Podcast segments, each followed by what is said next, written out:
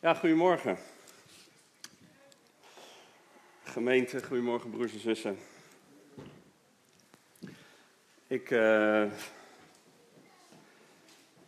mag weer een keer hier staan en dat is fijn. Beter dan uh, achter een camera.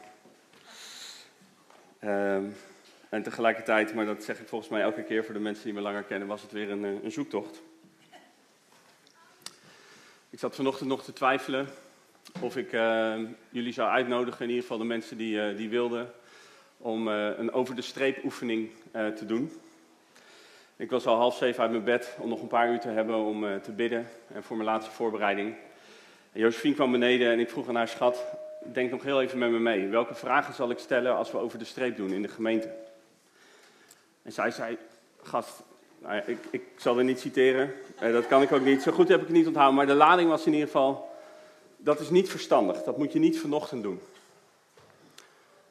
En uh, nou, ik uh, reageerde, uh, denk ik, lichtelijk geïrriteerd. Want ik zat echt in mijn laatste anderhalf uur, zeg maar. En ik was bezig met het formuleren van de vragen.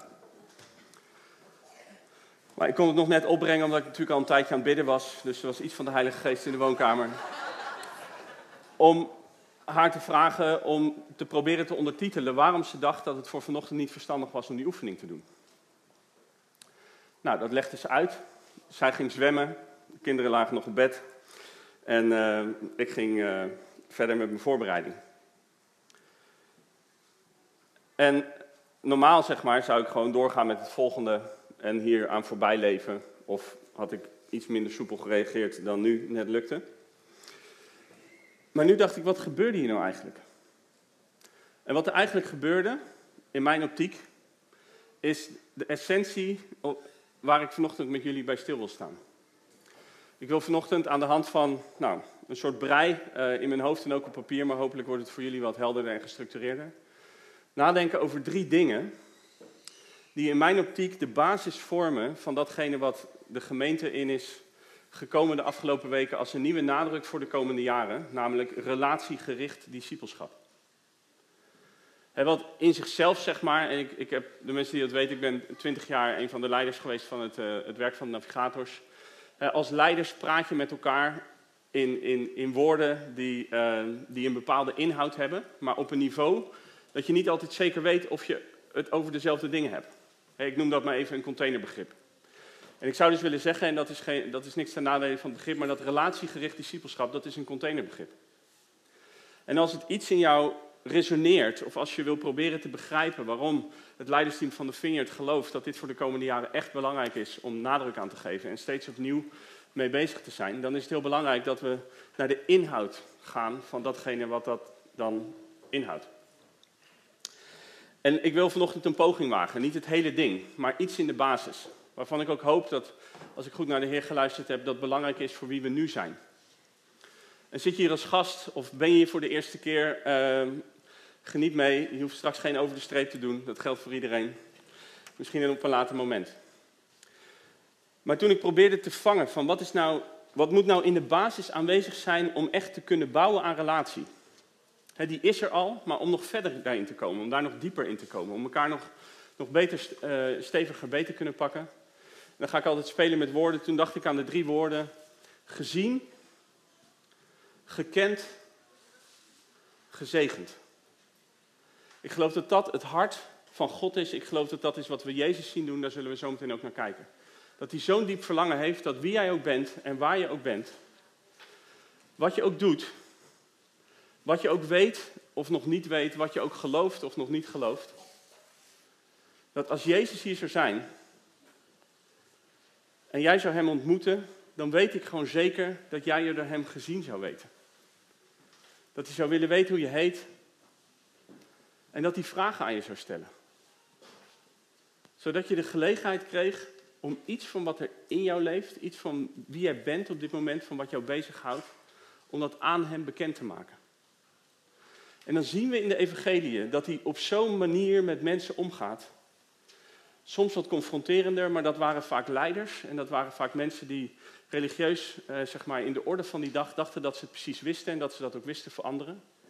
Maar op het moment dat het ging over individuen en in het bijzonder over kwetsbare individuen, dan ging hij op zo'n respectvolle, liefdevolle, ruimtescheppende, veilige manier met hen om.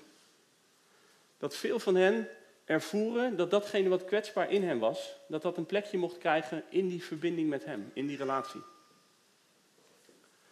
Nou, hoe vet zou het zijn? En ik zegen elke relatie waarin dit een plek heeft binnen de gemeente. Ik ben, ik ben dankbaar, soms hoor ik daar dingen over. vorige week nam er iemand afscheid die zei: Ik heb me vanaf het begin zo welkom gevoeld in deze gemeente. Nou, door de jaren heen heb ik ook wel eens andere verhalen gehoord. Maar er gaan veel dingen goed. Laten we daar dankbaar voor zijn. Laten we God daar dankbaar voor zijn. En wees elkaar daar dankbaar voor. En bemoedig elkaar daar ook in. Maar er kunnen ook dingen beter. En vandaag leun ik misschien iets meer naar de kant van wat mogelijk beter kan. Een deel van wat ik raak, als we straks wel gaan nadenken, ook al is dat dan niet in de vorm van een over de streep oefening, van voel jij je gezien?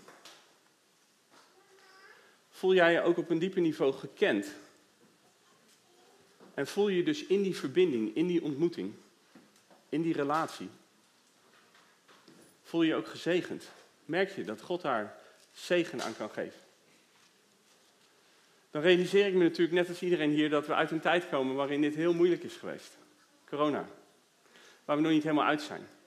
En dat is een deel van wat je beleeft te herleiden is tot die tijd. Tegelijkertijd wil ik zeggen, dat maakt je beleving niet minder waar. En niet minder belangrijk.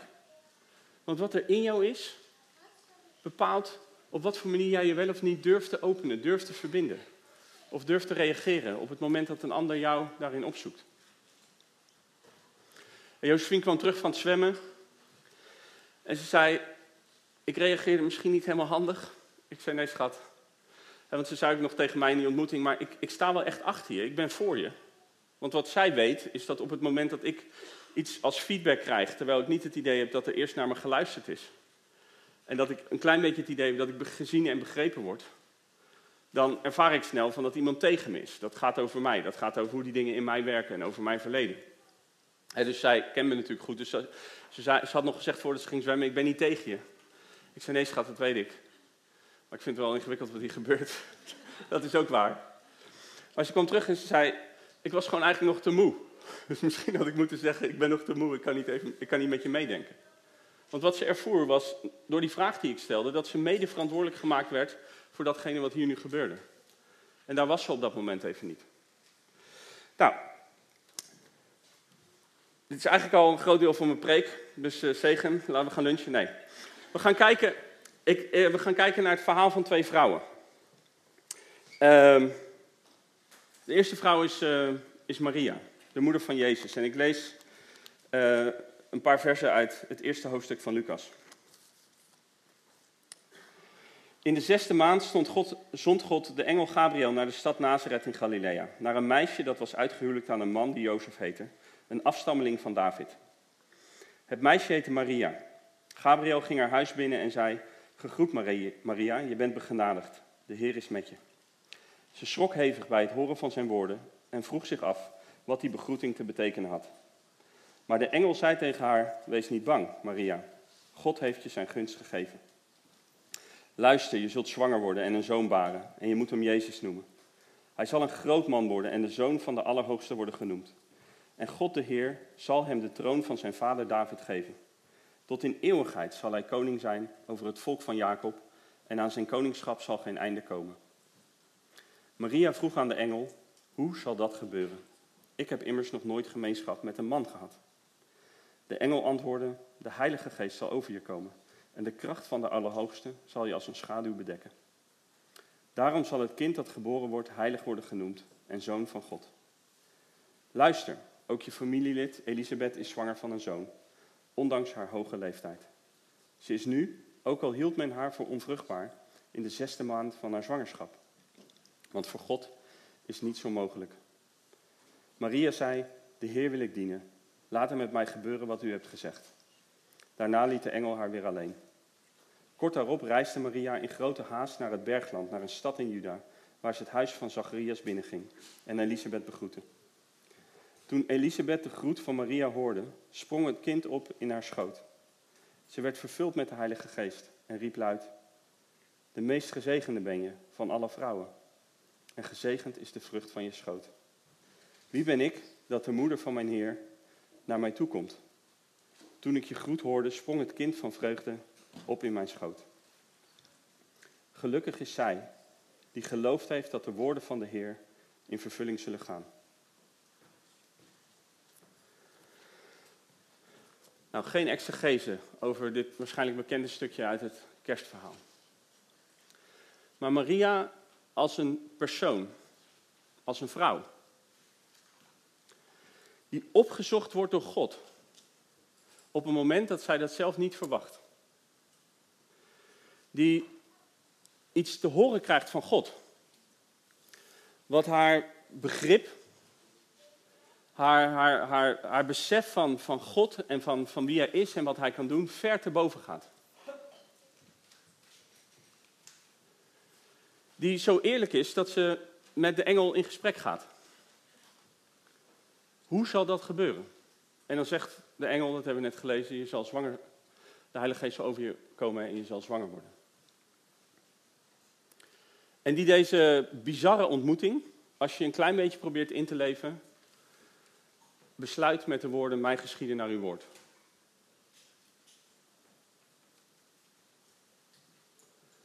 Maria als een, een type, een zus in de familie wat langer geleden, van mensen zoals jij en ik,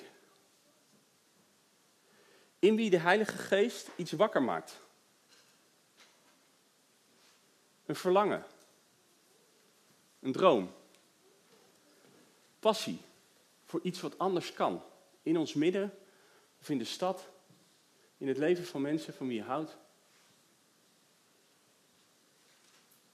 Maria als een, als een zus die een belofte te horen krijgt. Van iets wat ze niet kan begrijpen en van wat er nog niet is.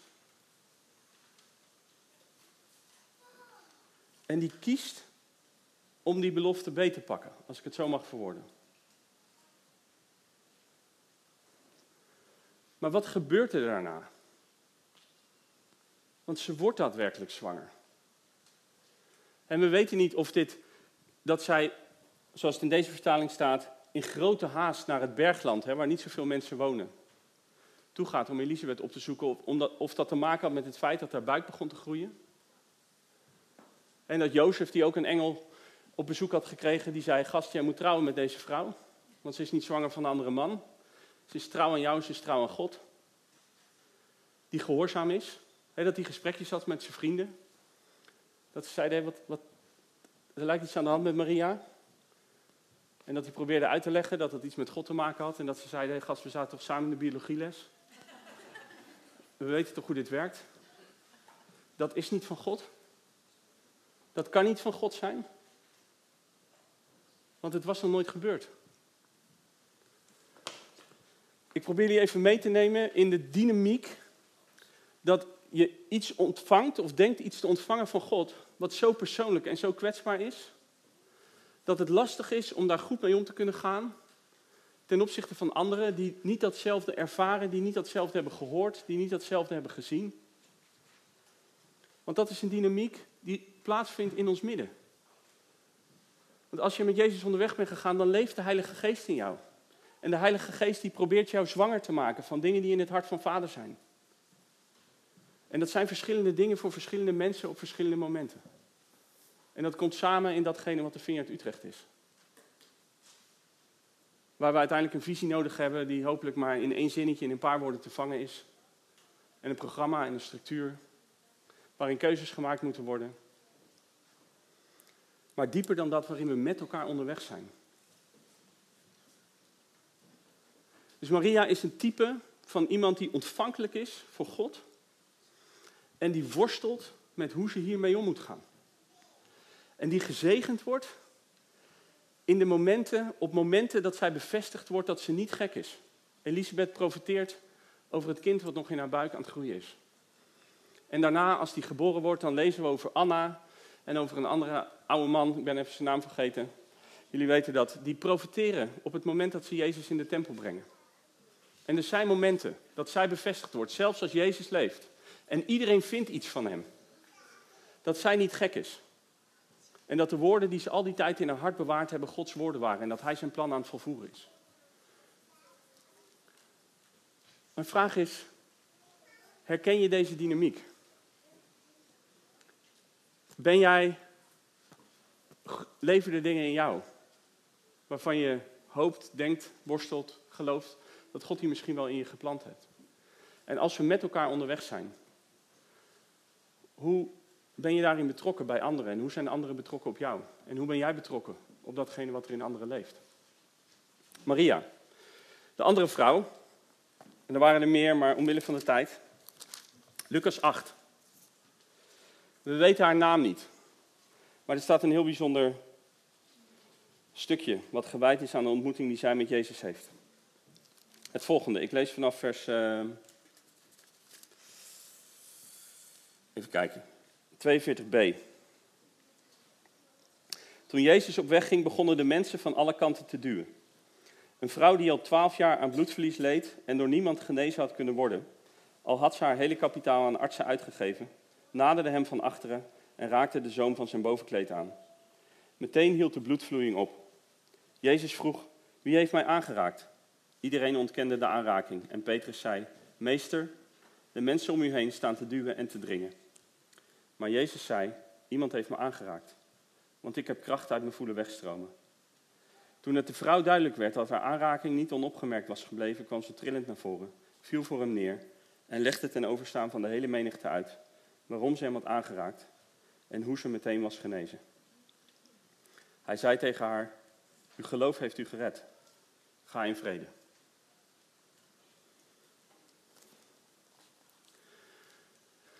Even helemaal aan de andere kant van het spectrum van iets moois, iets wat puur van God is. Maar wat voor Maria en wat voor Jozef wel super kwetsbaar was, super persoonlijk. En super ingewikkeld ook om goed mee om te gaan. In de dynamiek van de mensen om hen heen en wat ze er allemaal van vonden. Ontmoeten we deze vrouw niet omdat zij slechter is dan Maria, maar omdat datgene wat haar is overkomen en de uitdaging die zij toevertrouwd heeft gekregen in deze tijd onder de Joden echt ingewikkeld is. Ze geloofden dat als je ziek was, hè, de blinde, dat het je eigen zonde was of die van je ouders. En dat als je niet genezen werd, nou dat het sowieso natuurlijk een teken was. Dat God niet met je was. En dan was ze ook nog een vrouw. En dan was datgene wat ze droeg ook nog, dat zorgde ook nog voor onreinheid, waardoor ze niet in de buurt mocht komen van andere mensen die dan besmet zouden raken. Deze vrouw leefde met de overtuiging dat niemand haar kon helpen. Ze had al haar geld uitgegeven, staat er. En in haar wanhoop zoekt ze Jezus op. Overtreedt ze de religieuze protocollen en raakt ze hem van achter aan. We weten niet of ze hem van achter aanraakte omdat ze bang was dat als ze van de voorkant zou komen, zeg maar, dat ze niet het lef zou hebben om de ontmoeting met hem aan te gaan. En dat ze daarom de veilige route koos, hè, te midden van die drukte om hem aan de achterkant aan te trekken. We weten het niet. Maar ze raakt hem van achteraan. En nog zonder dat Jezus haar fysiek heeft gezien, zonder dat hij weet wie het is, gebeurt daar geestelijk iets waardoor zij op slag genezen wordt. En Jezus die ervaart dat de kracht van de toekomende eeuw door hem heen heeft gestroomd. De Heilige Geest aan het werk. Zonder dat hij daar ja of nee tegen gezegd heeft. En hij treedt met haar in gesprek. En hij ziet haar. Zodat ze niet weg kan gaan met de gedachte dat als hij had geweten wie het was, dat hij haar niet had gezegend. En hij kent de diepte niet alleen van haar fysieke nood, maar ook van de eenzaamheid waarin ze leeft als paria in haar gemeenschap. En hij herstelt haar te midden van al die mensen. Als waardevolle vrouw, als lid van de gemeenschap, als dochter van de koning.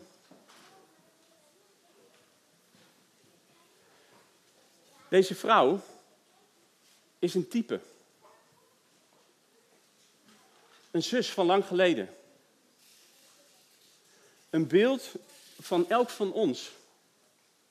Waar we leven met dingen aan deze kant van het spectrum. Onze gebrokenheid, onze worstelingen, Hè, wat we net zongen, de zonde waar je elke keer weer in terugvalt. Ook al weet je dat je het niet moet doen, maar het lukt gewoon niet om er echt verder in te komen. De schaamte waarmee je leeft. De theologische vragen en worstelingen die over tijd misschien wijzigen, maar die nooit helemaal weggaan. Wat het ook is. Het is diep, het is persoonlijk, het is kwetsbaar. Er zit iets omheen van het, hè, dat je liever niet wil dat anderen het weten. En dat je ergens misschien ook gelooft dat ze je er toch niet echt bij kunnen helpen.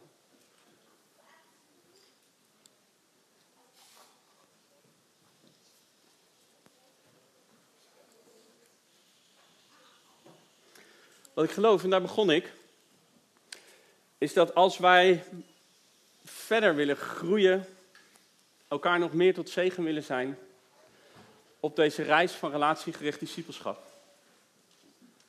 Dat, we, dat het belangrijk is dat we gevoelig zijn voor dit fundament. Zien we elkaar echt? En is er in die ontmoeting, en daarin is een kring natuurlijk anders dan de zondag. En is datgene wat je een triade zou kunnen noemen, een groepje van drie of vier mensen met wie je echt kiest om elkaar te kennen en accountable te zijn, waar ik in mijn vorige preek bij stil heb gestaan, is weer anders dan een kring. Met tien mensen met een wisselende samenstelling door ziekte of door oppassen of allerlei dingen. Er zijn verschillende lagen van samenkomen in de gemeente.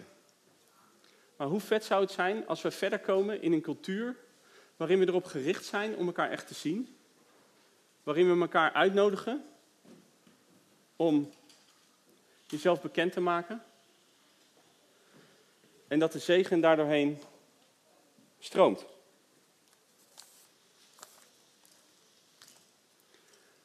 Ik wil een paar voorbeelden uit mijn eigen leven noemen. Dan gaan we naar een soort verwerkingsoefening die, nou ja, dat zal ik dan uitleggen.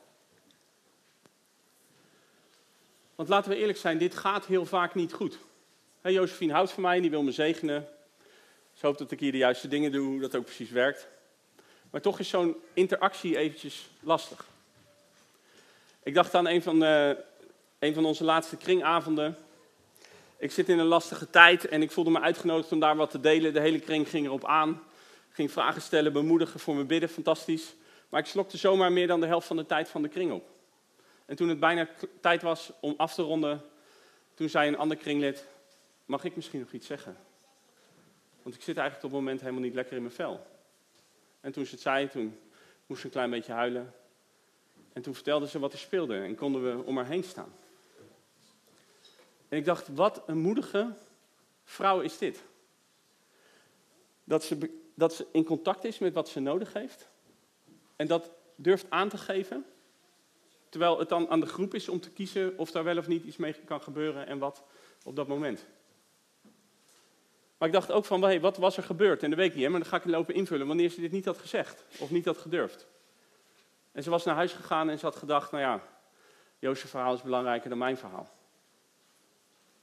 Of misschien, weet je, in die hoek. Het is een beetje zwart-wit, maar wie, wie kent die gevoelens niet? Dat er iets gebeurt, of dat er iets niet gebeurt wat je nodig hebt. En dat het effect is dat het jou raakt in het beeld van jezelf, of dat het jou raakt in het beeld van de ander. Ik dacht aan een ontmoeting die ik jaren geleden had met een van de leiders hier in de kerk. Omdat ik hem graag wat vragen wilde stellen. En als er ruimte in het gesprek was, wat feedback wilde geven van dingen die ik zag. Of hoe bepaalde dingen op mij overkwamen. En dat er in dat gesprek, in mijn optiek, geen ruimte was. Omdat ik het idee had dat hij zich direct aangevallen voelde. En in de verdediging schoot. En niet stil kon staan bij datgene wat ik zag en datgene wat het met mij deed. Voordat we eventueel inhoudelijk met elkaar in gesprek gingen. En hoe je daar tegenaan kan kijken. Of wat zijn gevoelens daarbij waren. Of zijn keuzes. En waar ik ook aan dacht. Is dat ik sinds die jaren af en toe in een gesprek heb gezeten. Waarin het heel even voorbij kwam dat die persoon niet met feedback kon omgaan. En dat ik eraan bijgedragen heb. Als ik dat bevestigde. Of als ik dit voorval deelde zonder helemaal op de details in te gaan, dat ik het beeld van de mensen, van andere mensen in deze gemeente beïnvloed heb. Met datgene wat ik over deze leider vertelde vanuit die ontmoeting. En dat is niet oké. Dat is gewoon echt niet oké. Eén, het is belangrijk dat ik terugga naar hem en dat ik zeg, hey, ik probeerde toen hier en hier met je over te praten. Dat is in mijn optiek niet helemaal lekker gegaan. Maar nu is, wil ik eigenlijk ergens anders met je over praten. Zou dat kunnen? Mag ik je teruggeven wat er gebeurt, wat het met me doet? En dan mag de ander gewoon nee zeggen. Maar als die ja zegt, nou, dan proberen we dat gesprek te voeren. En twee, ik ging er wel met andere mensen over praten. Dan verziek ik die cultuur waar we vandaag over nadenken. Cultuur van veiligheid, een cultuur van ruimte waarin je elkaar echt kan zien en elkaar echt kan kennen, ook al ben je het misschien niet met elkaar eens. Of zijn er ook persoonlijke voorkeuren en stijlverschillen waar je tegenaan botst op het moment dat je dicht bij elkaar komt?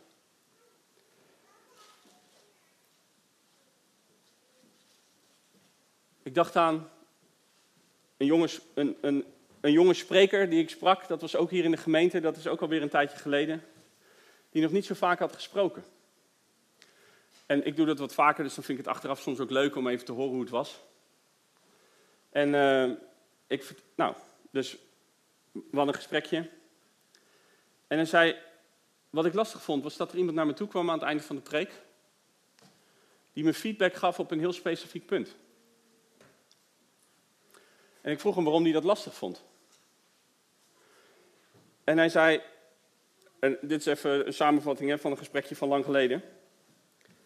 Ik had niet het idee dat hij op mij als persoon gericht was.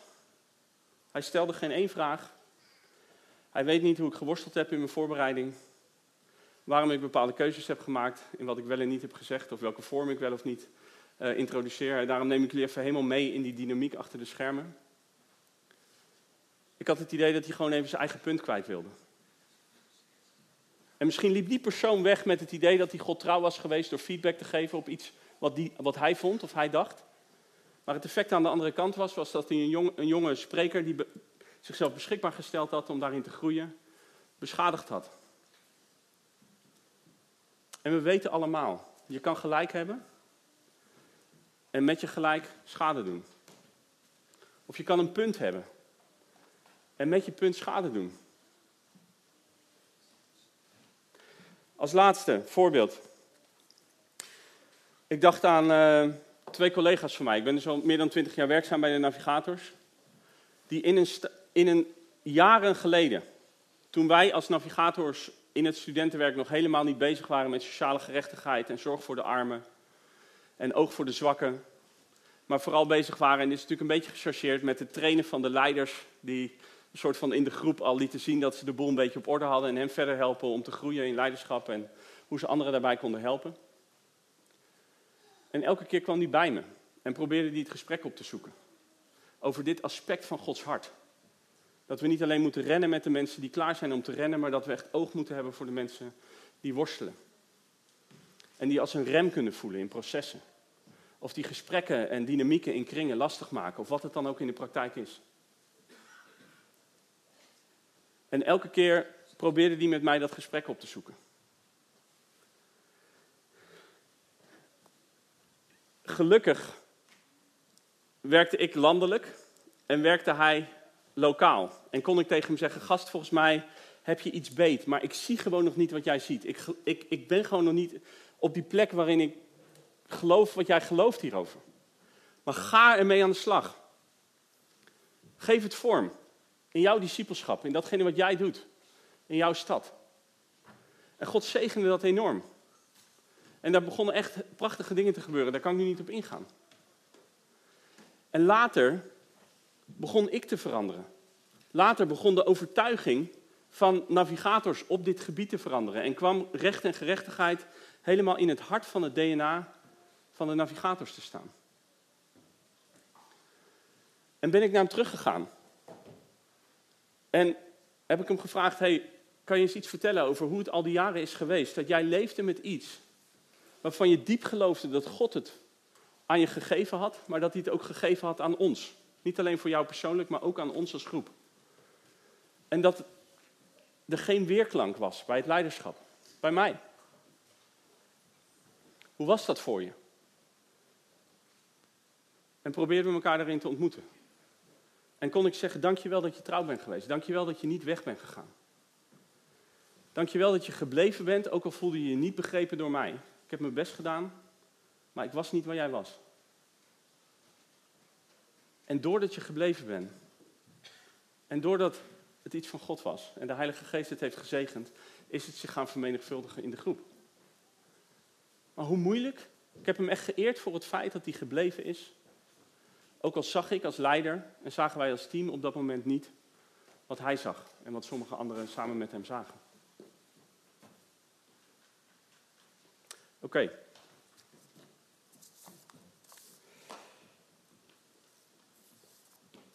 Ik heb wat vragen voorbereid. Dus wat, we nu, wat ik jullie wil vragen, is om tijd te nemen om zelf te reflecteren. En dat vraagt, je zit al een tijd stil, je zit al een tijd te luisteren, dat vraagt wel even iets los van uh, het niveau, zeg maar, waar de reflectie over gaat. Dus bear with me. Vijf vragen om een paar minuten bij stil te staan. Of vijf, vijf ja, stellingen. Ik voel me met regelmaat eenzaam op zondag. Ik voel me alleen staan in mijn passie of verlangen in Gods koninkrijk. Ik voel me niet gezien of gekend in iets wat belangrijk voor me is in de gemeente. Ik worstel of ik bots met een element van de Vineyard theologie. En als laatste, ik voel me niet gezien of begrepen door een van de leiders of door de leiders in de gemeente. Best wel grote vragen, abstracte vragen. En het is puur bedoeld om je te helpen verbinden met jezelf. We hebben het helemaal niet over waar komt het door, sowieso niet over de schuldvraag, maar om te landen, om die laag te raken die nodig is als een gezonde basis voor wie we willen zijn. Dus zou je hier een paar minuten over na willen denken? En dan brengen we het daarna nog één stapje verder en gaan we het afronden. Heilige Geest, ik vraag om hulp. Sommigen van ons gaan helemaal aan en anderen gaan helemaal uit als het over deze dingen gaat en dat is helemaal prima. Maar u weet wie we zijn en u weet ook hoe we samen bedoeld zijn. dus wilt u ons helpen als we reflecteren en datgene verbinden in ons wat voor dit moment is. Drie minuutjes om hierover na te denken en misschien denk je direct, oh het is die vraag helemaal prima als je dan alleen daarbij stilstaat. En de rest even laat liggen.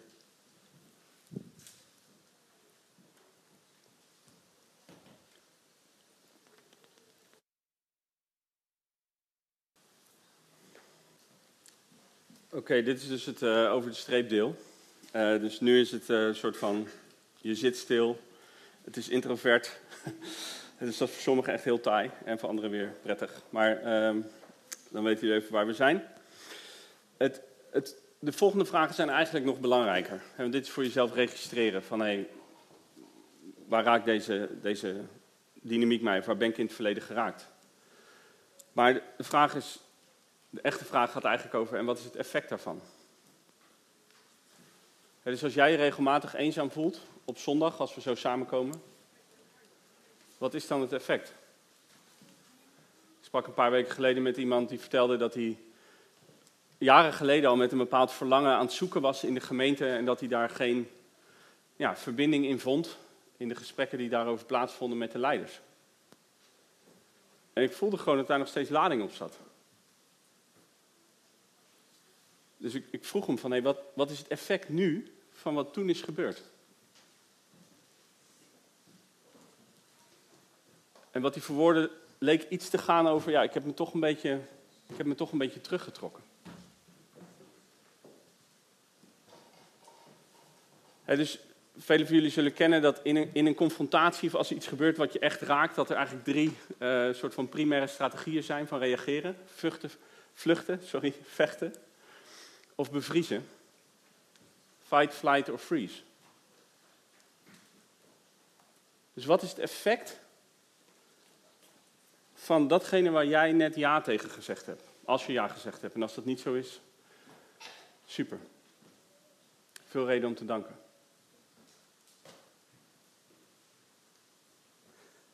En wat is de impact ervan op het beeld wat jij hebt van jezelf en het beeld van wie we met elkaar zijn, of specifieke mensen die hierin betrokken waren.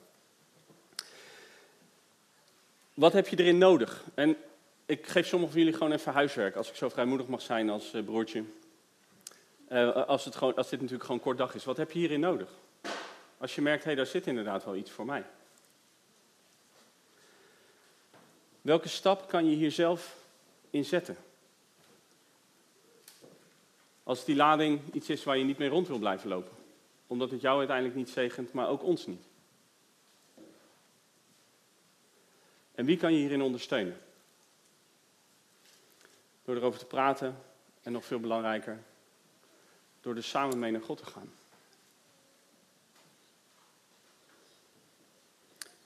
Neem nog even een minuutje om stil te staan bij de, bij de vraag van, hey, als je ja hebt geantwoord, wat is dan misschien het effect daarvan op jou?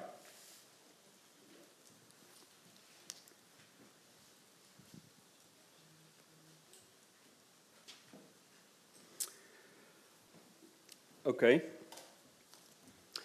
Dan nu toch nog iets een beetje actiefs. Voor wie wil. dus jij bent vrij om te zijn wie je bent op de plek waar je bent. Dus je zegt, hey, deze oefening is even niet voor mij. Uh, voel je dus echt vrij om niet mee te doen. Maar wat ik wil doen is uh, iedereen vragen om op te staan. Dat hoef je nu nog niet te doen. Ik leg het eerst even uit. En dan rond te gaan lopen. En dan zeg ik op een gegeven moment stop. En dan lijkt het bijna een kinderfeestje. Van waar is er iets verstopt wat ik eigenlijk heel graag wil hebben, maar ik weet niet wat het is. En um, op het moment dat ik stop zeg, dan creëer je met de mensen die dan in je buurt staan drietallen en viertallen. Drietallen of viertallen. Even wat handig is. En dan wissel je met elkaar uit, als je wil. Welke vraag of welke stelling heb jij ja op geantwoord? Ja, dus dan zeg ik bijvoorbeeld, ik voel me regelmatig eenzaam op zondag. En dan, maar dan ga ik niet zeggen hoe dat komt. want misschien zegt de een wel, uh, ja, als het over dingen gaan die in de gemeente spelen, achter de schermen of voor de schermen, koffiepauze, kinderwerk, homoseksualiteit, geld geven, uh, Gods stem verstaan, hoe doen we dat met elkaar? Uh, genezing, is dat altijd uh, iets van God of kan het soms ook dat het niet gebeurt, weet je? Of het nou over theologie gaat of over structuur of over allerlei dingen die hier spelen, die spelen. Welkom in de boot van de Vineyard Utrecht. Dus we gaan niet met elkaar in gesprek over wat dat is. Want dan triggert het gelijk, zeg maar, bij iedereen. In meer of mindere mate. De vraag is, wat is het effect op jou? Want we willen elkaar zien. En we willen even oefenen met elkaar kennen. Even los van wat dat onderwerpje met jouzelf doet op dat moment. Dus ik voel me regelmatig eenzaam in de gemeente. Wat is het effect? Ja, ik ervaar best wel een drempel om te komen elke zondag. Dan zie ik mezelf weer zitten. En dan zie ik mezelf weer naar huis gaan. Terwijl datgene wat er echt in me is, niemand weet het. Niemand helpt. En dan het derde, misschien kan je erkenning aan elkaar geven. Hé, wat rot voor je. Je hoeft het niet gelijk op te lossen hè, voor elkaar. We zijn samen verantwoordelijk. Iedereen is verantwoordelijk voor zichzelf. Wat er gebeurt. Om te herkennen wat heb ik nodig. Wat ga ik daar zelf mee doen. Maar we zijn, we zijn wel geroepen om elkaar te zegenen en te zien. Dus je geeft erkenning. Of niet. Maar oefen daar eens mee. En dan bid je voor elkaar. En dat allemaal in maximaal een kwartier. Dat kunnen jullie, denk ik. Zeker als we niet naar de inhoud gaan. En dat is dus de opdracht. We gaan niet naar de inhoud. Dus is er een ja? Wat is het effect? Iets van een reactie uit de groep. Waarin je even elkaar aankijkt of verbindt. En dan bidden. Maak een rondje. Drie mensen, maximaal vier. En daarna een moment van gebed. En ik besef me, ik heb echt geworsteld met de oefening, heb ik al gezegd, dat sommigen echt ervaren, oké, ik moet nu eigenlijk naar die persoon toe gaan, of ik moet die persoon vragen om mij te gaan helpen met dit punt, want dat, daar zit echt lading op. Dat is echt gaaf om mee te nemen voor een later moment. Maar op deze manier zouden we eh, nou, de dienst willen gaan afronden. En dan kijk ik natuurlijk ook even naar Pauline, want die leidt de dienst, dus die weet dat beter dan ik. Misschien zijn er ook nog andere dingen. Dus gaan we dit uh, doen? Ja, top. Oké. Dus uh, als je wil meedoen, dan mag je opstaan. Dan mag je even gaan wandelen. Dan zeg ik zo meteen stop. En dan gaat de tijd in.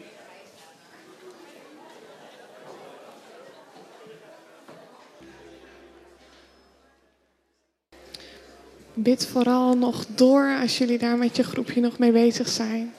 Maar voel je ook vrij om je kinderen op te halen of om nog een bakje koffie of thee te pakken. Um, dan gaan we zo ook richting een afronding. Um, merk je dat het schuurt en kom je er in je groepje niet helemaal uit? Of ga je, ben je al uit je groepje straks en denk je van nou, dit is nog niet helemaal klaar? Kom dan ook uh, nou, nog naar beneden, dan zijn we hier nog beschikbaar voor gebed.